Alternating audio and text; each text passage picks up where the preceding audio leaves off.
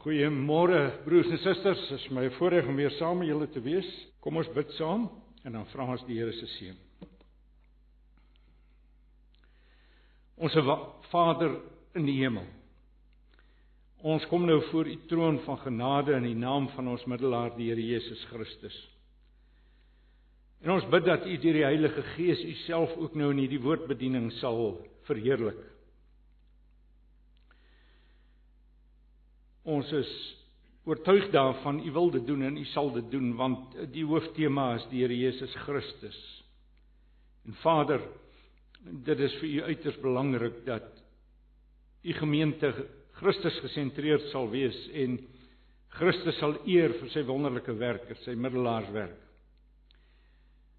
Ons vra dat die Heilige Gees dus spreker en hoorder vanmôre sal toerus en help om werklik te verstaan hoe gewigtig en hoe belangrik hierdie skrifwaarheid is waarna ons gaan kyk.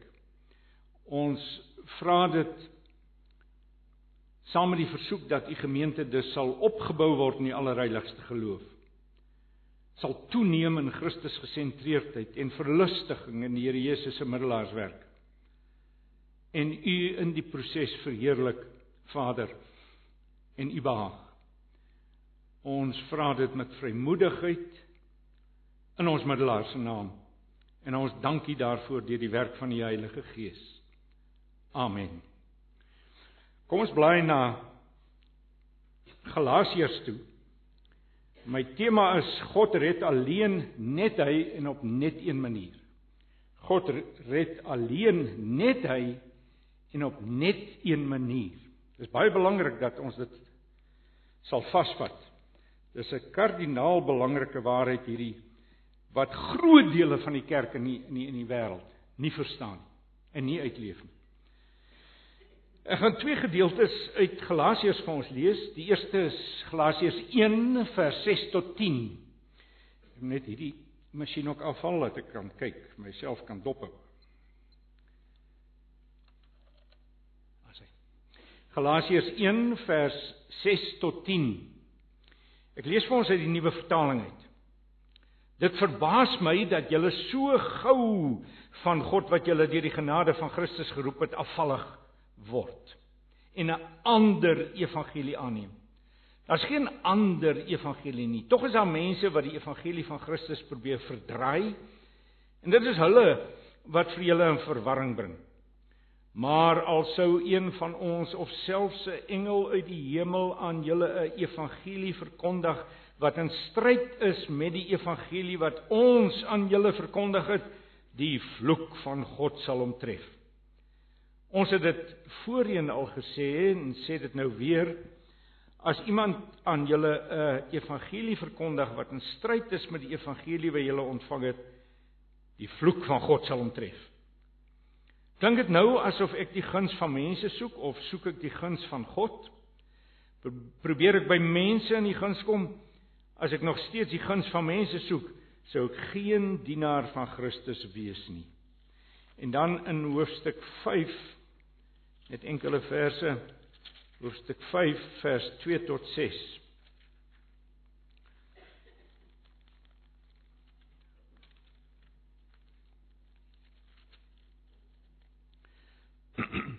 Kyk hoofstuk 5 vers 2 tot 6.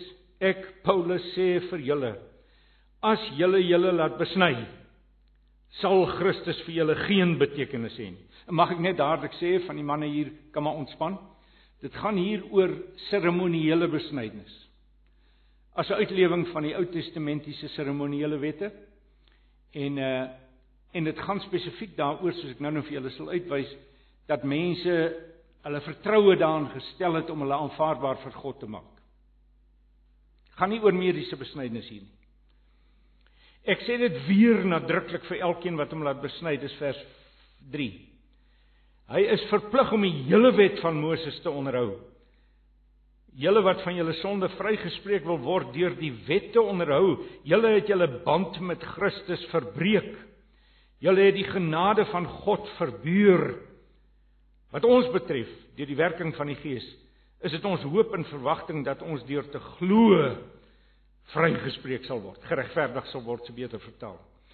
In Christus Jesus is dit nie van belang of jy besny is of nie. Al wat van belang is, is geloof wat deur liefde tot dade oorgaan. Goed, dis ons teks. Van julle mag onthou ek het al hieroor gepreek destyds baie maande gelede toe ek nog hier was, maar intussen is dit nou taamlik uitgebrei en ek het gevoel dis so 'n belangrike boodskap hierdie dat ons maar weer en weer daarvan kan kennis neem. Nou, as 'n mens nou Galasiërs lees, dan vind jy dat die apostel Paulus hier anders as sy gewoonte sommer net inval met 'n skerp vermaaning. Tipies was sy gebruik sy julle weet in sy briewe dat hy eers begin het met 'n 'n stuk ons noem dit tegnies 'n stuk indikatief 'n stuk beskrywing van die wonderlike genade wat ons in Christus het. In halfpad deur sy brief begin hy dan met die sogenaamde imperatief, die bevelsforme in die Grieks waar hy sê omdat al hierdie dinge wat ek nou vir julle tot hier toe geskryf het waar is, al hierdie indikatiewe, dis feitelike waarhede. Daarom dan leef nou so, leef nou so, leef nou so. En mag ek net gou sê, dit word ongelukkig nie baie goed gewaardeer deur baie predikers vandag nie, want u sien, wat is die verskil tussen 'n teologiese lesing en 'n preek? 'n Teologiese lesing as dit eg teologie is, dan is dit 'n stuk skrifuitleg. Maar 'n preek is 'n stuk skrifuitleg met 'n toepassing 'n toepassing en application.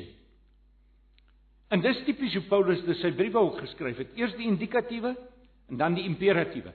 Eers die feite van die evangelie, dan die implikasies daarvan, die praktiese implikasies daarvan. Dis kardinaal belangrik. Maar daar's ander predikers wat omtrent nie by 'n indikatief by die feite van die evangelie uitkom nie. Hulle val sommer dadelik in met die imperatiewe, die bevele. En wat is dit? Dis niks anders as moralisme nie.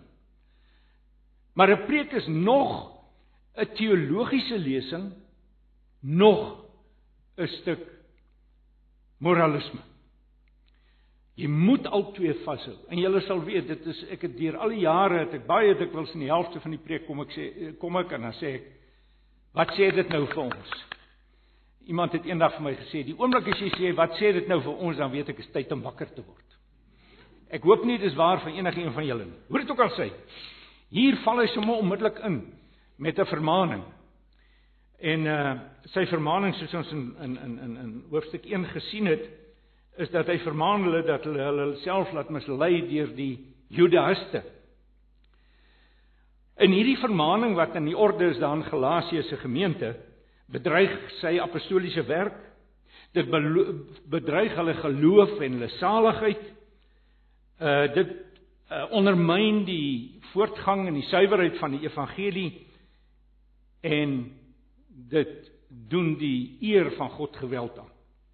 Dis 'n geweldige belangrike dwaling wat hier aanspreek. Ek wil hê julle moet dit nou goed knop dit in die oor soos hulle sê. Waaroor ons vandag gaan praat, waarna ons gaan kyk is 'n lewensbelangrike dwaling en ons moet toesien elkeen van ons individueel ook dat uh dat ons suiwer bly wat dit betref. Ek het net hierdie afgelope week en was ek in gesprek met iemand wat in die Noordweste bly van Kaap provinsie per epos. Dit gaan oor 'n is 'n lang storie. 'n Prediker wat op 'n stadium so 30 jaar terug geweldig uh, gewild was in Suid-Afrika. Mense het by die honderde gestroom om hom te hoor preek. Maar destyds al na 'n paar keer wat ek gaan luister het, het ek vir Sonja gesê ons kom nie weer hiernatoe nie. Hierdie man preek nie die evangelie nie. Hoekom? Hy het net imperatiewe bevele gepreek. Jy moet, jy moet, jy moet, jy moet. Hy het nooit Christus gepreek nie. En die hele storie het nou waar hy is opgeblaas. Uh dit gaan gepaard met die verduistering van miljoene rand. Dit gaan gepaard met dwaling op dwaling op dwaling. Jy sien dis omdat hy in dieselfde in dieselfde dwaling verval het as wat hier aangespreek word. Dis belangrik, dis belangrik, dis belangrik. Nou waarop kom hierdie brief en hierdie vermaning in die Galasiërbrief dan nou neer? Wat wil die apostel hier tuisbring? Hy wil die ou bekende waarheid van die reformatie ook en wat ons baie goed ken in hierdie gemeente tuisbring. Dat slegs geloof, slegs geloof alleen deur Jesus Christus sonder enige bydrae, gepoogde bydrae van my kant af uh, tot my verlossing. Hy wil dit tuisbring dat dit en dit alleen die ewige lewe bring geen gepoogde bydrae van my by Christus se middelaars in sy versoeningswerk nie. Nee. Christus alleen, solus Christus. Julle sal weet dis een van die uitroepe van die reformatie. Deur die geloof alleen sola fide. So wat ek vanmôre vir julle sê is eeue ou waarhede wat die mense verstaan het van destyds. Dis nie 'n nuwe dingetjie wat ek vir julle bring nie, maar dat ek dadelik sê Ek betrap myself meermale dat ek skeeftrap wat hierdie goed betref. En ek vermoed dit is van julle dalk ook waar. Mens wil nie skeeftrap nie, maar partymal in terwyl jy in gebed is, besef jy skielik maar ek is net nie meer so op die op die snykant van die mes soos wat ek moet wees nie. En soos ek net nou gesê het, ek is baie baie oortuig daarvan dat daar duisende, 10 duisende lidmate van goeie gereformeerde kerke. Nou praat ek nie van die doppers net nie. Ek praat nou van alle kerke wat hulle self as gereformeerd beskou. En ek praat ook nie net van die susterskerke nie. En ek kan maar die Pinksterkerke daarbey insluit. Maar 10000de lidmate verstaan nie hierdie saak nie en diep in hulle agterkoppe vertrou hulle nog iets in hulle eie lewe. En laat ek dadelik sê, selfs my geloof word nie as 'n stuk verdienste deur die Here geag nie. My geloof is net 'n net 'n 'n tou wat my vasbind aan Christus. Uh dis dis bloot 'n kanaal waardeur die Heilige Gees se verlossingswerk in my werk. Is weliswaar onmisbaar. Ja ja, geloof is absoluut noodsaaklik. Maar verdienste op sigself is dit hoegenaamd nie. Nou julle sal weet die reformatie soos ek reeds gesin speel het uh van die 16de eeu het beklemtoon Christus alleen sola fides sola gratia genade alleen en sola fides geloof alleen. Baie baie baie belangrik. Daarteen het die rooms-katolieke kerk destyds die uh, meriete die verdienste van die sakramente by die werk van Christus gevoeg. Stuk of sewe sakramente gehad en hier, hulle het dit beskou as saligmakend. Nie bloot maar net as geloofsversekerende tekens nie maar hulle het effektief as saligmakend beskou. Nou goed, die Judaïstiese uh kettery daarvan lees 'n mens in in Handelinge 15 sê jy onthou daar was 'n apostelkonvent en hulle het bymekaar gekom om hierdie saak te bespreek. Want die Judaïste het verkondig o ja ja, ons moet in Christus glo. Maar is net so belangrik dat ons besny word. Ek weet nie wat hulle vir die vrouens gesê het nie. Maar maar dis geloof plus dit was Judas se boodskap. Plus die besnydenis is die basis van ons redding. Handelinge 15, jy kan dit maar gaan lees daar. Uh miskien het dit selfs 'n bietjie verder gegaan. Christus plus die seremoniele wet. Maar die fokus wat die seremoniele wet betref, het hulle laat val op die besnydenis. Handelinge 15. Kan dit maar gaan lees. Nou kry ons hier in Galasiërs die reaksie van die apostel Paulus. En in Galasiërs 1 vers 6 spreek Paulus sy verbasing uit dat die Galasiërs so gou van God wat hulle deur genade van Christus geroep het, afvallig geword het. Hy gebruik die woord afvallig na ander evangelie toe. Ek sal nou net iets meer sê oor hierdie woord afvallig, is nog 'n interessante woord in die Grieks. Maar as die apostel hier van 'n ander evangelie praat, dan impliseer hy dat daar ook 'n ware evangelie is. Want daar alle evangelies moet dan mos 'n ware evangelie ook wees, nie waar nie? En hierdie ware evangelie word op twee maniere herken: aan sy oorsprong en aan sy inhoud. Sy oorsprong en sy inhoud. Wat die oorsprong van die ware evangelie betref, is dit die evangelie wat deur die geïnspireerde apostels verkondig is. Dit sluit die apostel Paulus in. Die een wat deur die Heilige Gees geïnspireer is. Dis die ware evangelie. Die evangelie wat vir ons in die geskrifte van die Nuwe Testament besonderlik, ook in die Ou Testament, maar baie meer eksplisiet in die Nuwe Testament beskryf is. Dan sê die apostel Paulus hier selfs as daar 'n engel uit die hemel uitkom en vir julle 'n ander evangelie verkondig. Moet julle weet hy het nie die gesag om die evangelie aan te pas nie. Selfs nie engele die hemel uit nie. Galasiërs 1 vers 8. Hoeveel te minder kan mense dit gaan aanpas?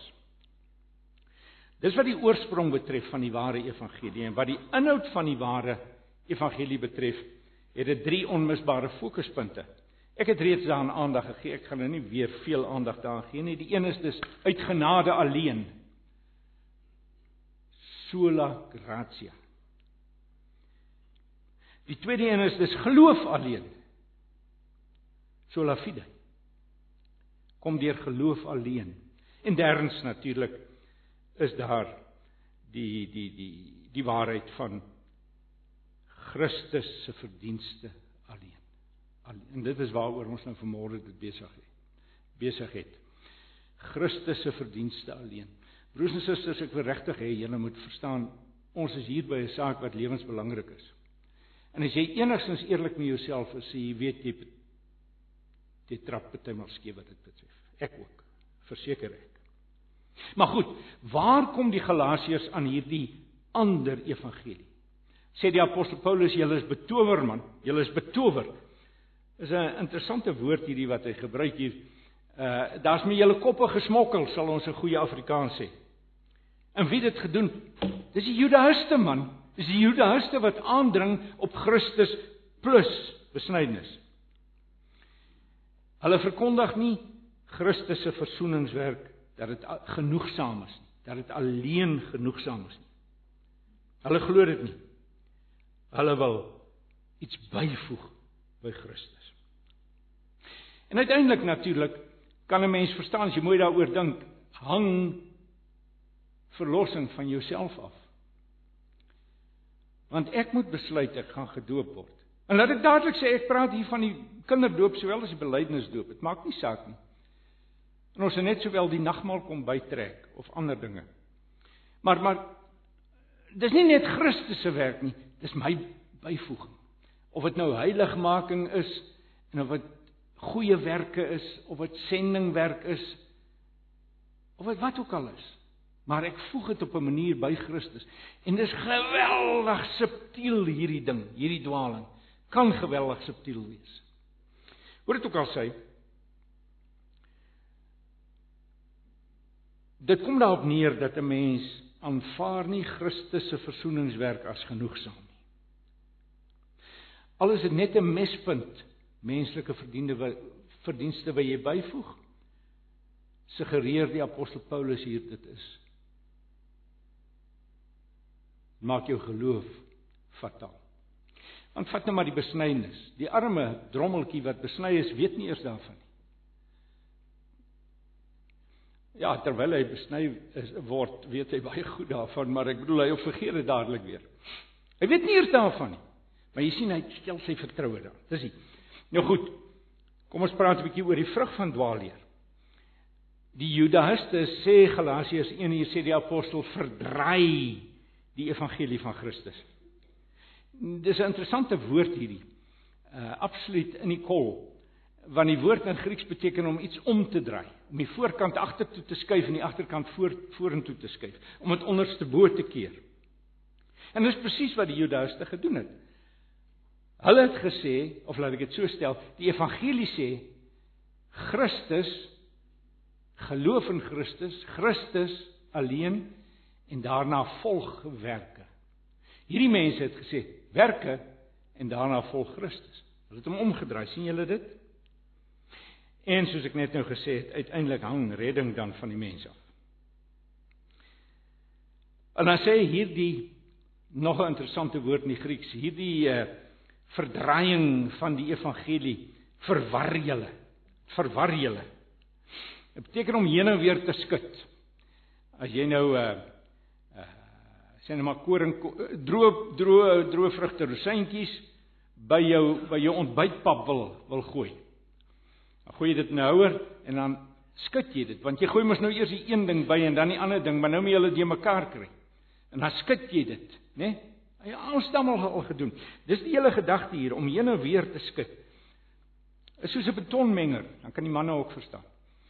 Jy gooi eers jou uh sê nou maar jou klippe by en dan jou sand en dan jou sement alles versigtig afgeweeg en dan dan kom jy water by. Jy moet versigtig wees dat jy nie te veel water bygooi, maar dit nou maar daar. Maar dit help nog nie. Nou het jy nog nie beton nie. Dit moet nou eers gemeng word in die betonmenger, nê? Nee moet eers behoorlik deurmekaar gemeng word. En dis die hele gedagte wat hier sit in in die woord verwa verwarring. Hy sê die mense se lering maak julle heeltemal deurmekaar, dit krap julle om. Uh Nou ja, hy sê in die teendeel, die teendeel is egter ook waar. Evangelie waarheid en ons ken dit, is dit nie so nie. Bring suiwer leer, bring begripsklaarheid, dit bring koersvasheid en dit bring hartseenheid. Waarheid. Dis wat die ekumeniese beweging nie verstaan nie. Ekumeniese beweging wil die gemeene deler so eenvoudig en so laag as moontlik maak sodat almal inpas en almal tuis voel. Maar dis nie 'n ware eenheid nie. Maar het julle al agtergekom as 'n mens met mense gesels wat die woord reg verstaan soos mense hom moet verstaan en wat Christus liefhet soos jy en die Vader liefhet soos jy. En wat suiwer God gesentreerd, Christus gefokus, woord gefundeer dink, is daar onmiddellik hartseenheid. Is dit nie so nie? Hoe dit ook al sê. Paulus is geweldig ontstel oor hierdie misleiding daar in Galasië. En hy's verontwaardig. En twee keer roep hy oor so 'n dwaalleraar uit die vloek van God sal hom tref. Of of die ou vertaling sê uh laat hom 'n vervloeking wees. Die NIV vertaal dit let him be eternally condemned. Uh, hy speel nie hier rond nie. Hierdie is 'n ernstige dwaling soos ek reeds vir julle probeer op die hart druk het.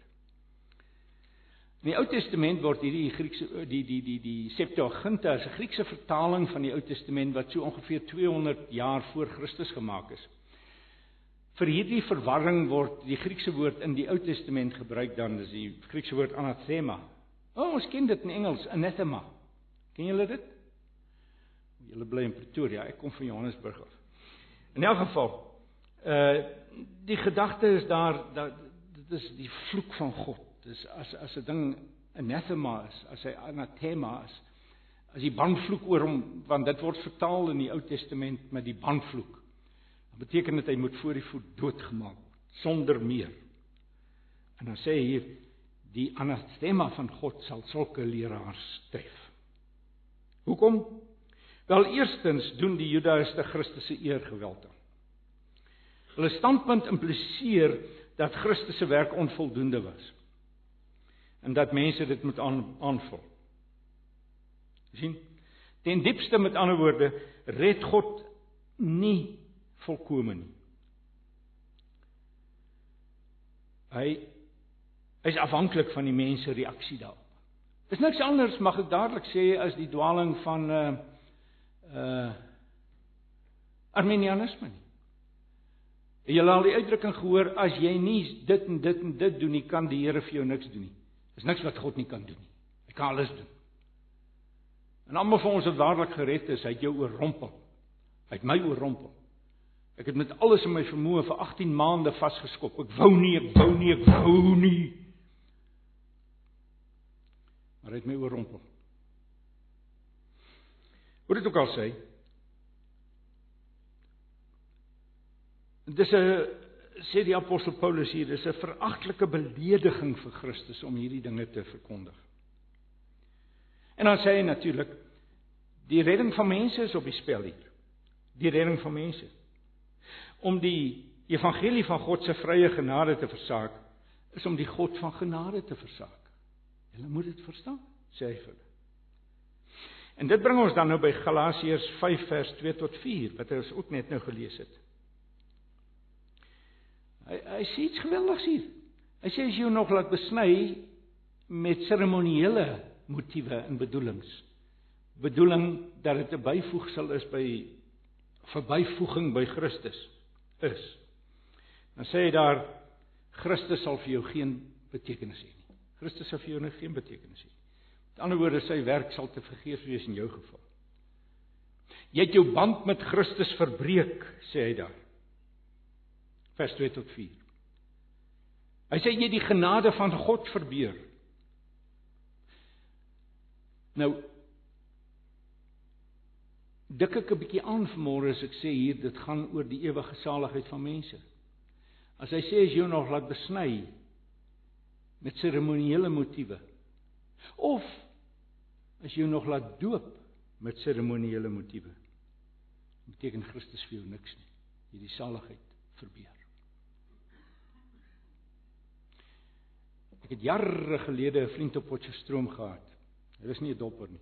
Kan nie glo daar's iets anders as doppers in Potchefstroom nie, maar hy kom kuier eendag by my toe sê hy vir my ek het my Sondag laat doop en daarmee het hy toe nou die belydenis of die groot doop bedoel. Hy sê ek weet tot vandag toe nie wat reg is, die kinderdoop of die groot doop nie, maar uh, ek het gedink as ek my ek is as kind gedoop as babietjie en as ek my nou laat groot doop dan dan dan seker hom seker ek het die regte doop weet. nou jy sien wat het daai man wat het in sy agterkop gesit? Dis presies hierdie dwaling. Kan julle dit hoor? Ek het die regte doop ten minste weet ek sal ek sal dit daar maak eendag. Here sal my nie verwerp nie want as die een verkeerd is dan sal ek hom sê maak die ander een ook. En die ander een verkeerd is ek sê maak dit ook een. Jy sien, dis 'n hele gedagte. Nee nee nee nee nee. So hier in Galasiërs 5 word ons gewaarsku, hierdie is nie maar sommer net 'n ligtelike dwaling nie. Dis Christus plus maak dit onmoontlik om gered te word. Goed, dis ons stukkie skrif uitleg. Nou kom ons ek vorder goed. Nou kom ons by die toepassing. Wat sê dit vir ons? Nommer 1, daar is net een evangelie. Daar is net een evangelie. Galasiërs 1:6 en 7 die gedeelte wat ons ook gelees het gebruik Paulus twee betekenisvolle woorde. Ek lees dit net weer vir ons, dan kan julle sien waarna ek verwys. Hy sê daar dit verbaas my dat julle so gou in God wat julle deur die genade van Christus geroep het afvallig geword het en 'n ander, is hierdie woordjie ander, en 'n ander evangelie aangeneem het. Daar is geen ander evangelie. Nou wat wil hy hier sê? Hy sê julle het 'n ander evangelie aangeneem. Daar is geen ander evangelie. Nou as mens die Grieks lees dan val die ding vir jou oop. Hy gebruik twee verskillende Griekse woorde hier om dit ander te vertaal. Ekskuus tog. In die eerste uh, geval gebruik hy die Griekse woord heteros en dit dui op iets anders van 'n heel ander aard, 'n totaal ander aard. Dis kwalitatief verskillend die twee sakramente. Kwalitatief. Die Engelse vertalings vertaal dit met different. You accept a different gospel. Heeltemal anders, iets anders. Maar dan sê hy daar is nie 'n ander evangelie nie. En dan gebruik hy die Griekse woordjie allos. Wat beteken iets anders, maar is van dieselfde soort. Hier is 'n stukkie papier en hier is ook papier. Julle hoor? Daar's twee verskillende stukke papier, maar dis al twee papier. Dis die hele gedagte uh wat die Griekse woord hier beteken. Dit is iets van dieselfde soort. Dis twee verskillende alternatiewe as van dieselfde soort. En dan sê hy daar is nie 'n ander evangelie as die ware evangelie. Daar's nie een evangelie die van die apostels nie en nog 'n evangelie die van die Judaïste. En een is so aanvaarbaar soos die ander. Is maar net verskillende paaie na die hemel toe. Hoor ons nie hierdie uitdrukking dikwels nie. Hier vertaal die Engels met another, another. Eerste geval met 'n different en die tweede geval another gospel. So wat hy hier sê is daar's geen sprake van twee legitieme beskouinge nie. Die Judaïstiese beskouing geloof plus die besnydenis of die seremoniele wette, maar veral die besnydenis is nie 'n alternatief. Dis nie 'n aanvaarbare alternatief nie. Dis nie die ware Jakob nie. As geen sprake daarvan. Dis vals. En dis ernstig. Die verskil is wesentlik. Dis 'n dodelike leuen. Dis nie twee aanvaarbare alternatiewe nie. Dis nie twee ewig geldige roetes na God toe nie. Dis twee totaal verskillende evangelies. Jy sien die die hele punt hier is en dis die beginsel. Jy kan nie die ware evangelie aanpas. Dit maak nie saak hoe gering die aanpassing is nie sonder om dit te vernietig nie. En daarom broers en susters is die suiwer evangelie die suiwer geloof, die suiwer belydenis kardinaal belangrik. Kardinaal belangrik. Dit maak saak wat ons glo. Ons leer, ons doctrine matters. Dit maak saak, dit maak saak, dit maak saak. Dit gaan meermale oor sake van ewigheidsbelang. En mense besef dit nie, ons leef mos nou in 'n wêreld wat 'n uh, postmoderne wêreld. Is dit wat jy glo? Ja, ek het dit nog nie so gesien nie, maar is goed. Ek dink weer so. Nee. Nie as dit by hierdie goed kom nie. Ag julle ken mos die uh Latynse uitspraak in necessarius unitas, in non necessarius libertas, in omnibus caritas. In necessarius unitas, in die noodsaaklike dinge eenheid. In non necessarius libertas, in die nie nie noodsaaklike dinge vryheid. In omnibus in alles caritas, se liefde. So, in die noodsaaklik in hierdie is 'n necessaries of 'n necessary. Dis 'n noodsaaklikheid hierdie. Moet daar eenheid wees. In die nie noodsaaklike dinge is daar vryheid. Ehm uh, moet vrouens hoofbedekkings opsit kerk toe of nie? Vryheid. Jou beskouing oor die eskatologiese detail Ek bedoel nou as jy pre, post of a. Verstaan julle waarvan ek praat? Ah, dis nie onbelangrik nie, maar dis nie saligmakend nie. Party ouens dink nogal so. Ek ken ouens as jy nie pre is nie, dan maak jy dit nie. Hoe dit ook al sê. Ehm um, So daar's geen sprake dat hierdie twee beskouinge wat Paulus hier aanspreek legitiem is nie. En ons moet ons moet predikers beoordeel. Ons moet hulle beoordeel. En hulle evangelie wat hulle verkondig beoordeel. Onthou die status en die geleerdheid en die begaafdheid van die boodskapper waar merk nie sy boodskap nie. Nee, die waarheid van sy boodskap waar merk die boodskapper. Die vraag is dus preek hy die onverwaterde Bybelse openbaring of nie?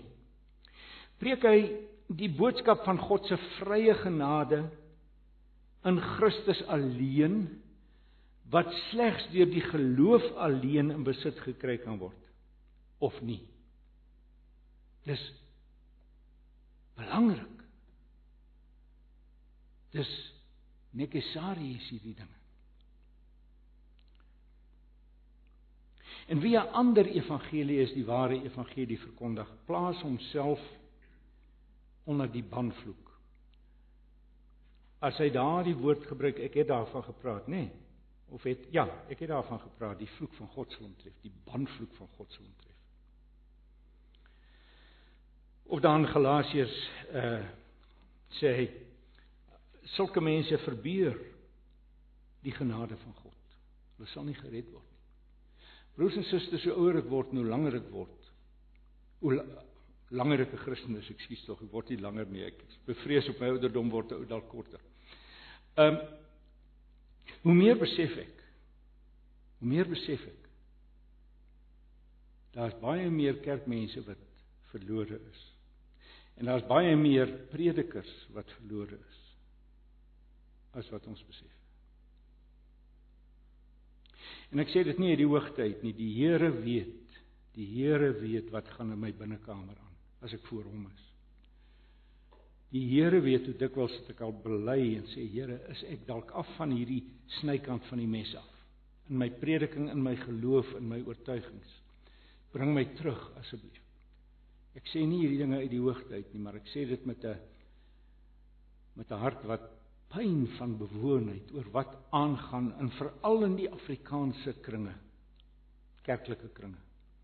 Ek praat nie eers van die van die vyand Ek praat net van ons kringe, ons kringe. En nie net ek praat nie net van die susterskerke nie. Daar gaan baie meer aan by een of twee van die susterkerke wat goed en reg is as wat daar dikwels aangaan in charismatiese en vernuwingskringe. Al lyk mense hulle is so aan die brand dat hulle bo op die stoele staan in praise and worship. Maar wat hulle verstaan van hierdie goed is 'n vraag. Goed, dit nou maar daar gelaat. My tweede punt van toepassing is dit. God is die alleenredder of glad nie. Dit het ons nou duidelik gesien al vandag. Hy is die alleenredder of glad nie. En daarom moet hierdie wekroepe van die evangelie sola gratia, solus Christus, sola fide vir ons belangrik wees, moet op die tafels van ons hart geskryf wees. Dis nie maar net 'n belydenis nie. Dis nie maar net ag so identifiseer ek my nou self in die liggaam van Christus nie. Dit is die geloof van die liggaam van Christus. Ek sê nie daarmee mense wat nie hierdie goed so verstaan kan nie gered wees nie. Daar's baie van hulle wat gered is. Daar's baie van hulle wat gered is. Maar hulle loop op die spoor, ek wil vir julle sê. En baie mense is in kerke waar hierdie goed nie gehuldig word nie, maar in hulle hart van harte is hulle presies suiwer. So, ons gaan nie mense in kategorieë plaas hier in denominasies en kategorieë plaas nie. Ons het nie hierdie reg nie.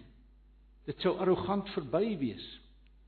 So as ek die stelling maak daar's baie nie gered nie, dan dan merk ek hulle nie met 'n kruis op die voorkop nie. Ek kan nie sê ek ken jou nie, jy Jan, jy gaan dit maak. Piet, jy nog minder. Ek doen dit nie. Al wat ek net al wat ek net doen is om te sê daar is baie wat skuldig is in hierdie dwaling. En ek sidder daaroor. En ek sê dit in nederigheid. Maar goed, Maar net hier oorslaan, ek het te veel hierso.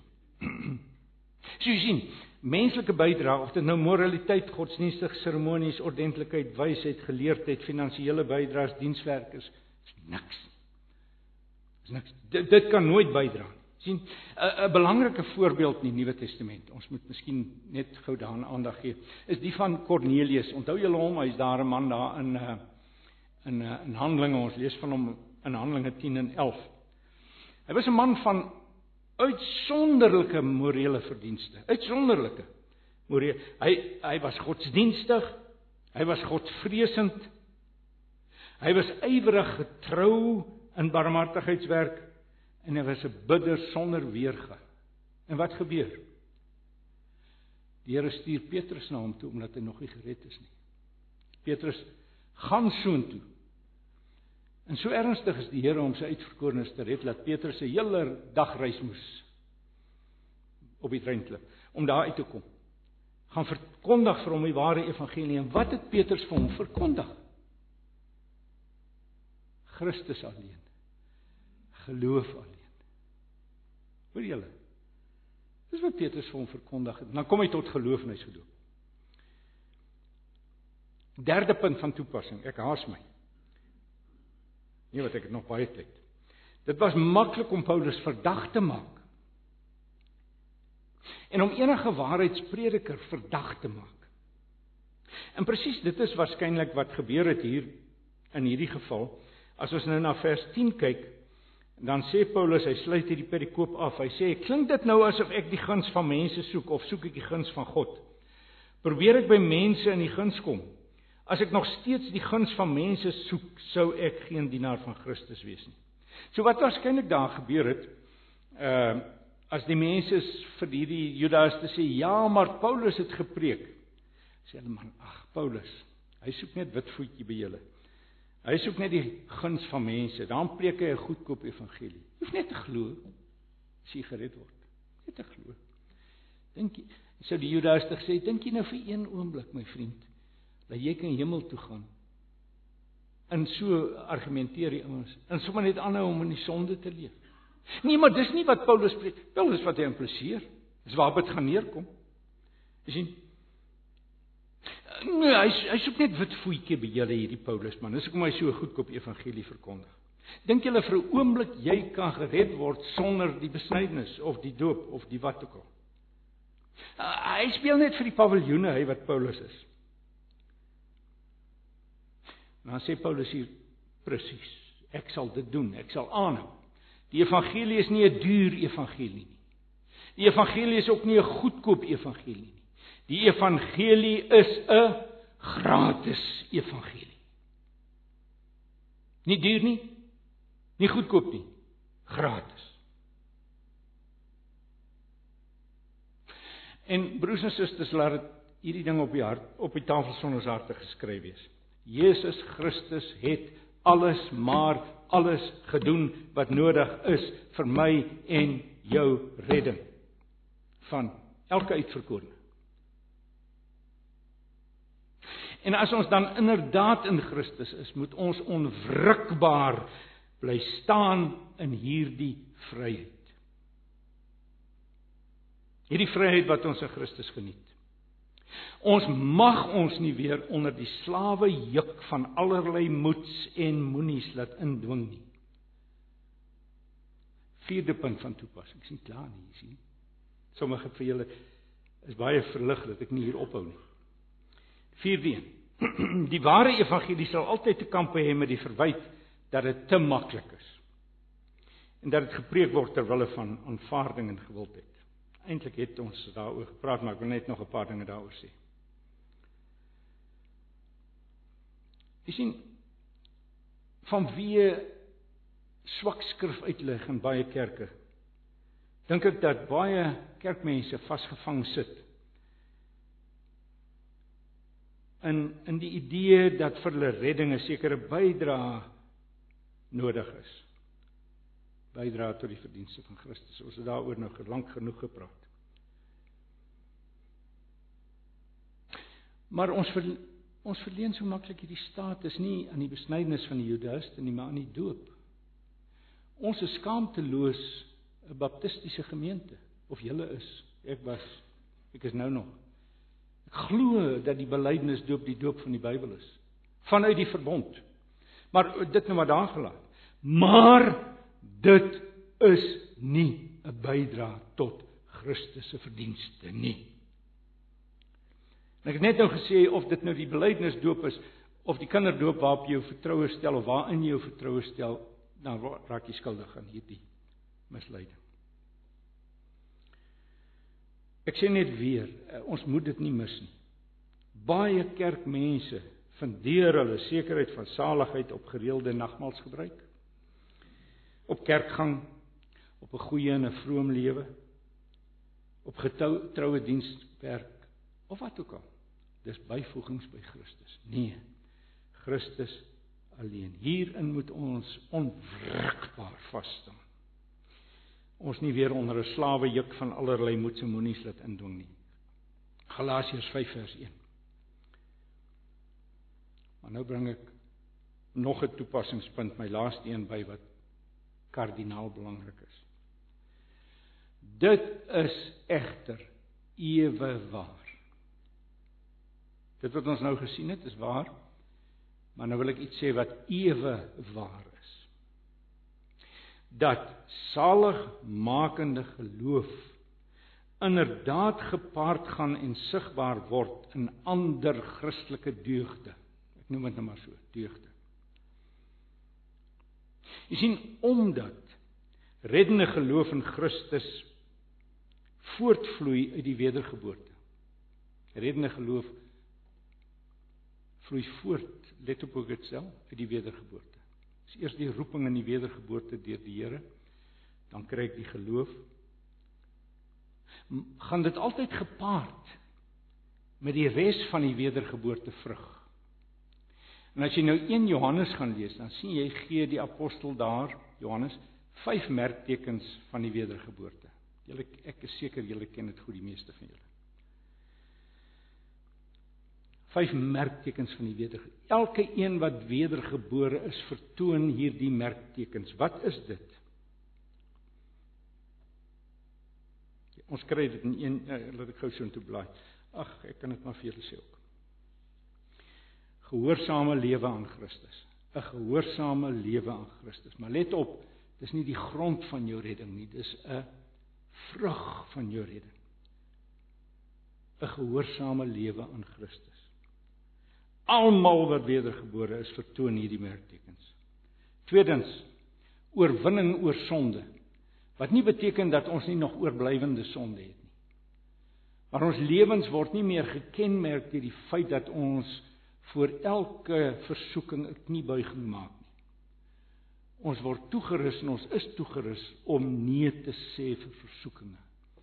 Ons is toegerus om nee te sê vir sonde. Ons het nog, ons het nog oorblywende sonde. Julle onthou mos Ek hoop almal van julle is op hoogte met die verskil tussen regverdigmaking en heiligmaking. Regverdigmaking kan ek net sê vir die drie wat nie heeltemal seker is waarvan ek nou praat. Is my status in God se boeke. Die oomblik as ek glo word my sonde skuld aan Christus toegereken. Hy word gedebiteer daarmee. En in God se boeke het ek dan omdat ek met sy uh kruisiging en die prys wat hy betaal het dis aan my gekrediteer daarom het ek in God se boeke die status van iemand wat nie gesondig het nie. Maar dit gaan verder en daarom is dit 'n groot probleem wat ek het met die nuwe Afrikaanse vertaling en ongelukkig ook die nuutste Afrikaanse vertaling. Hulle gebruik dikwels die woord ehm uh, vryspraak vryspraak impliseer net die een ding wat ek nou reeds genoem het maar regverdiging impliseer eintlik die tweede komponent daarvan wat meer belangrik is. Christus se verdienste, sy meriete voor God word aan my gekrediteer. En daarom geniet ek as ek geregverdig is in Christus, in God se boeke, die status van 'n man wat nog nooit gesondig het nie. Soos Jesus Christus want my sonde skuld is hom toegereken en hy het dit betaal. En sy verdienste word aan my toegereken. Ek geniet dus in God se boeke die status van 'n man wat die wet van God volmaak onderhou het. En God handel met my op grond van my status in sy boeke. Dis regverdigmaking, maar daar's ook iets soos heiligmaking. Heiligmaking is ons roeping om al hoe meer te lewe soos ons status in God se boeke is. En almal van ons sukkel daarmee. Almal van ons misluk dikwels pateties. Baie maal onder so ek is nou amper 50 jaar Christen. Dan wonder ek partymal Here het ek hoe genaamd gevorder in hierdie 5 dekades. Maar ek dink ek het. Sonja wil dit nie toegee nie hoor. Ekskuus Sonja. Maar maar ek dink tog ek het gegroei. So bietjie. So bietjie. Maar my status is in God se boeke, die van 'n man wat nog nooit gesondig het nie, die van 'n man wat die wet van God volmaak uitgeleef het. Maar die realiteit van my lewe, dis my heiligmaking, is maar 'n sukkelproses, 'n sukkelproses. Maar uh, dit lyk vir my tog daar is 'n bietjie groei en 'n bietjie toenemende heiligmaking. Goed, dit nou maar daar gelaat. maar ek wil nou terugkeer. Ek is amper klaar, hoor. Maar julle verstaan nou, ons roeping is dus om in die heiligmaking Christus te verheerlik. Om in gehoorsaamheid en goeie werke al hoe meer die beeld van Christus uit te leef en uit te dra in ons lewens. O ja, ek was nog by die merktekens van die wedergeboorte, nê? Nee. Liefde vir God en broers is die derde merkteken. Jy het net 'n liefde vir jou broers en susters in die Here. En uiteindelik oorwinning oor die kragte van 'n sondegevalle wêreld. Christene, wedergebore mense loop stroom op. Dryf nie met die stroom af nie. Ons loop stroom op. As dit gaan oor die waardes van hierdie wêreld. Dis die merktekens en dit is waar in elkeen se lewe. En sien jy, as jy dus met Christus verenig, met Christus alleen verenig is, gaan hierdie dinge as 'n gevolg daarvan in jou lewe tot uitdrukking kom. En kan jy weet dat jy inderdaad met hom verenig is deur 'n ware geloof alleen. Maar geloof is onsigbaar, nê? Nee. Kan dit sien nie. Hoe weet ek ek het geloof? Ek kyk na die sigbare merktekens. My volharding, my kruisdra, my disippelskap, my heiligmaking, my gehoorsaamheid is alles sigbaar, is waarneembaar. Ek ek het nou gesê 'n mens is dikwels baie bewus daarvan dat jy nog maar baie struikelend en stamelend is. Maar maar daar is darm, daar is darm groei. En dit is vir jou belangrik. En en jy kan daarom agterkom jou lewe het verander. Dit weet ek verseker. Dit verseker ek julle. Die ou dinge het verbygegaan, alles het nuut geword. En ek glo dis ook waar van jou as jy inderdaad in Christus is. Ou dinge het verbygegaan, alles het nuut geword. Jy sien, hierdan weet ek. Dis die sigbare merktekens van die wedergeboorte dat ook die onsigbare een, naamlik geloof, sekerlik daar is. Want dit is geloof wat tot uitdrukking kom en tot vrug kom in hierdie ander merktekens. En as ek dan reddende geloof het, glo ek dat ek geregverdig is in Christus en dat ek in God se boeke die status het, die status het, let op, van 'n man wat nooit gesondig het. 'n Man wat die wet wet van God volmaak onderhou het. En dit sal my my status in God se boeke sal aan my die toetrede tot die salige koninkryk verleen. Wel dit beteken dus die van julle wat julle self herken in die merktekens van 1 Johannes kan vanmôre aanvaar dat jy 'n ware geloof het. Jy weet hierdie dinge is waar in jou lewe. En as jy dan 'n ware geloof het, kan jy weet dat jy geregverdig is. Maar miskien sit hier mense wat hulle nie self herken nie. Wat sê ek weet in my agterkom hierdie merktekens waarvan ek gepraat het Dis nie waar die merktekens van 1 Johannes is nie regtig waar in my lewe nie. My vriend, dan moet jy onmiddellik sonder verwyl in Christus begin invlug. Of net invlug. Onverwyld. En as jy dit erg ernstig autentiek met alles in jou doen as jy besigheid bedoel sal jy verseker ek kan jou 'n brief daarvoor gee na verloop van tyd miskien selfs onmiddellik. Ek onthou ek het saterdagmiddag my oorgawe aan die Here gemaak. Die volgende oggend 6uur was ek op om te bid. Sonder gedink ek het van my kop af geraak was dit nou vroomheid? Was ek nou skielik godsdienstig? Het ek dit probeer byvoeg by regverdig? Nee Nee, ek het net ek het net hierdie innige begeerte gehad. Ek wil gaan bid. Ek wil nou ek wil by die Here uitkom. Dit nou middag.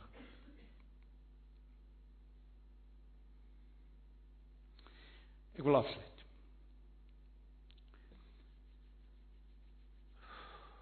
Ons kan nou verstaan. Die ware evangelie is nie duur nie. Ek moet nou opklim na God toe nie. Ons is nie godsdienstig nie. Ek weier om vergelyk te word met die Islam en met die Hindoeïsme. Ek het niks met hulle te doen nie. Ek is glad nie op hulle golflengte nie. Ek is ek is totaal anders as hulle. Hulle wil opklim na God toe, nie ek nie. God het afgebuig na my toe. En hy het my kom optel. Dis nie duur nie. Dis ook nie goedkoop nie. Dis gratis. Maar die woord van God soos ons nou gesien het, kwalifiseer dit met 'n dringendheid wat ons nie moet miskyk nie. 1. Daar's iets soos wettisisme. Maar daar's eweneens iets soos wetteloosheid. Wettisisme is ek wil deur wetsonderhouding en onderhouding van allerlei moets en moetsies moenies wil ek God se guns wen. Moralisme sê ag, maak nie reg saak leef net soos jy wil. Al was 'n tyd aan 'n teologiese skool hier in ons land. Is genadiglik nie plek werk studeer dit nie. Waar die tokkelokke die idee gehad het hulle moet vir die ander studente wys hoe vry is hulle in Christus en hulle het net so hard gedrink. Hulle het net so kan ek dit maar plat uitdruk vuil gevry en en en en ons is vry. Dis antinomianisme. Dis 'n verdoemende, verdoemende ingesteldheid. Een is so noodlottig soos die ander, wettisisme en wetteloosheid. Nee nee, die navolging van Jesus is op 'n baie nou paadjie en weerskante is daar twee afgronde. Wettisisme, wetteloosheid. Die een afgrond leer allerlei moets en moenies. Die ander een sê, "Ag, dis so belangrik al hierdie goedjies leef maar. Moenie anders wees soos in die wêreld nie, man." Hoe sien nou vir hulle aantreklik wees as jy nie saam met hulle dop kan vat en en en nie. Ek sê nie daarmee 'n doppie is uh, ek sê doppie. Ek praat nie van dronk word nie. Tweedens, daar is iets soos beginsels en daar is iets soos uitlewing. En beide is onmisbaar in 'n Christen se lewe. Beginsels uitlewing daarvan. Derdens, daar's iets soos Christelike vryheid En daar's ook iets soos Christelike verantwoordelikheid. En ons moet albei vashou. Ons onthou ek het nog altyd sê dit al vir jare, die ware Christelike lewe is 'n lewe in ekwilibrium. Om een of ander rede lê ekwilibrium baie naby aan God se hart. Want as jy na die kosmos kyk, dis een groot stuk ekwilibrium. Dit nou maar daar gelaat. Christelike vryheid, Christelike verantwoordelikheid. Nou wil ek jou vra, verstaan jy waarvan ek praat? Verstaan jy dit? Proef ondervindelik in jou lewe. Nou as jy dit proef ondervindelik ken in jou lewe, kan jy vir jouself sê ek is 'n begenadigde van God in Christus. Maar as jy nou vanmôre nie verstaan wat hierdie man daarvoor sê nie. Ja, hy praat dan snaakse goed, jong. Ek weet nie waarvan hy praat nie. Nou flikker daar rooi ligte vir jou. En dan sê ek vir jou vlug onverwyld in Christus in jy het die wedergeboorte nodig. As jy eenmal hom ingevlug het, sien jy agterkom ek was al die tyd net voor dit wedergebore. Maar dit nou maar daar gelaat, sien jy daar daarop in. Maar as jy agterkom jy's nie reg met die Here nie. Jy verstaan nie hierdie goed nie. Lê die antwoord nie in tande knersende harder probleem probeer om godsdienstig te wees en heilig te lewe. Dis nie die antwoord nie. Moenie die trapmeel waarop jy reeds is en net stywer stel nie. Sal ek dit dalk maak. God red nie net die 7000 wat die beste vaar nie. Hy skep nie net die room af nie. Hy red mense wat in Christus skuil en by hom hulle sekerheid vind. Nee nee, by Christus alleen is die antwoord. In geloof, in erns, in diep afhanklikheid en mettertyd sal jy agterkom as jy opreg was dat die vrug van die wedergeboorte in jou lewe begin manifesteer. En as jy verstaan waarvan ek vanmôre gepraat het, staan dan vas in die vryheid waarmee Christus jou vrygemaak het. Dis nie 'n vryheid tot tot losbandigheid nie. Dis 'n vryheid om jou herskepte hart se begeertes te volg moet jou nie laat intimideer deur allerlei wettisistiese voorskryf wettiese voorskrifte nie. 'n Christen doen nie dit nie, 'n Christen doen nie dat nie. Sê wie? 'n Christen skuil in Christus. En hy het God drie enig lief met sy hele hart. En dit beheer sy hele lewe. Dis 'n Christen. So moet onder geen omstandighede jou weer onder 'n slawejuk van vrees en wettisisme laat indruk nie. Indien die Here met selfs nog meer liefdesywer, liefdesywer. Ondersoek jouself gereeld wat hierdie goed betref voor die aangesig van die Here. Probeer verstaan hoekom ek so dringend met julle praat vanmôre. Dis belangrik, belangrik, belangrik, belangrik hierdie dinge. Miljoene het reeds en gaan miljoene kerkmense in aanhalingstekens omdat hulle moralisme by Christus gevoeg het gaan hulle in die hel eindig. Ek is bevrees. Ek kan Paulus nie anders verstaan as dit nie. Solus Christus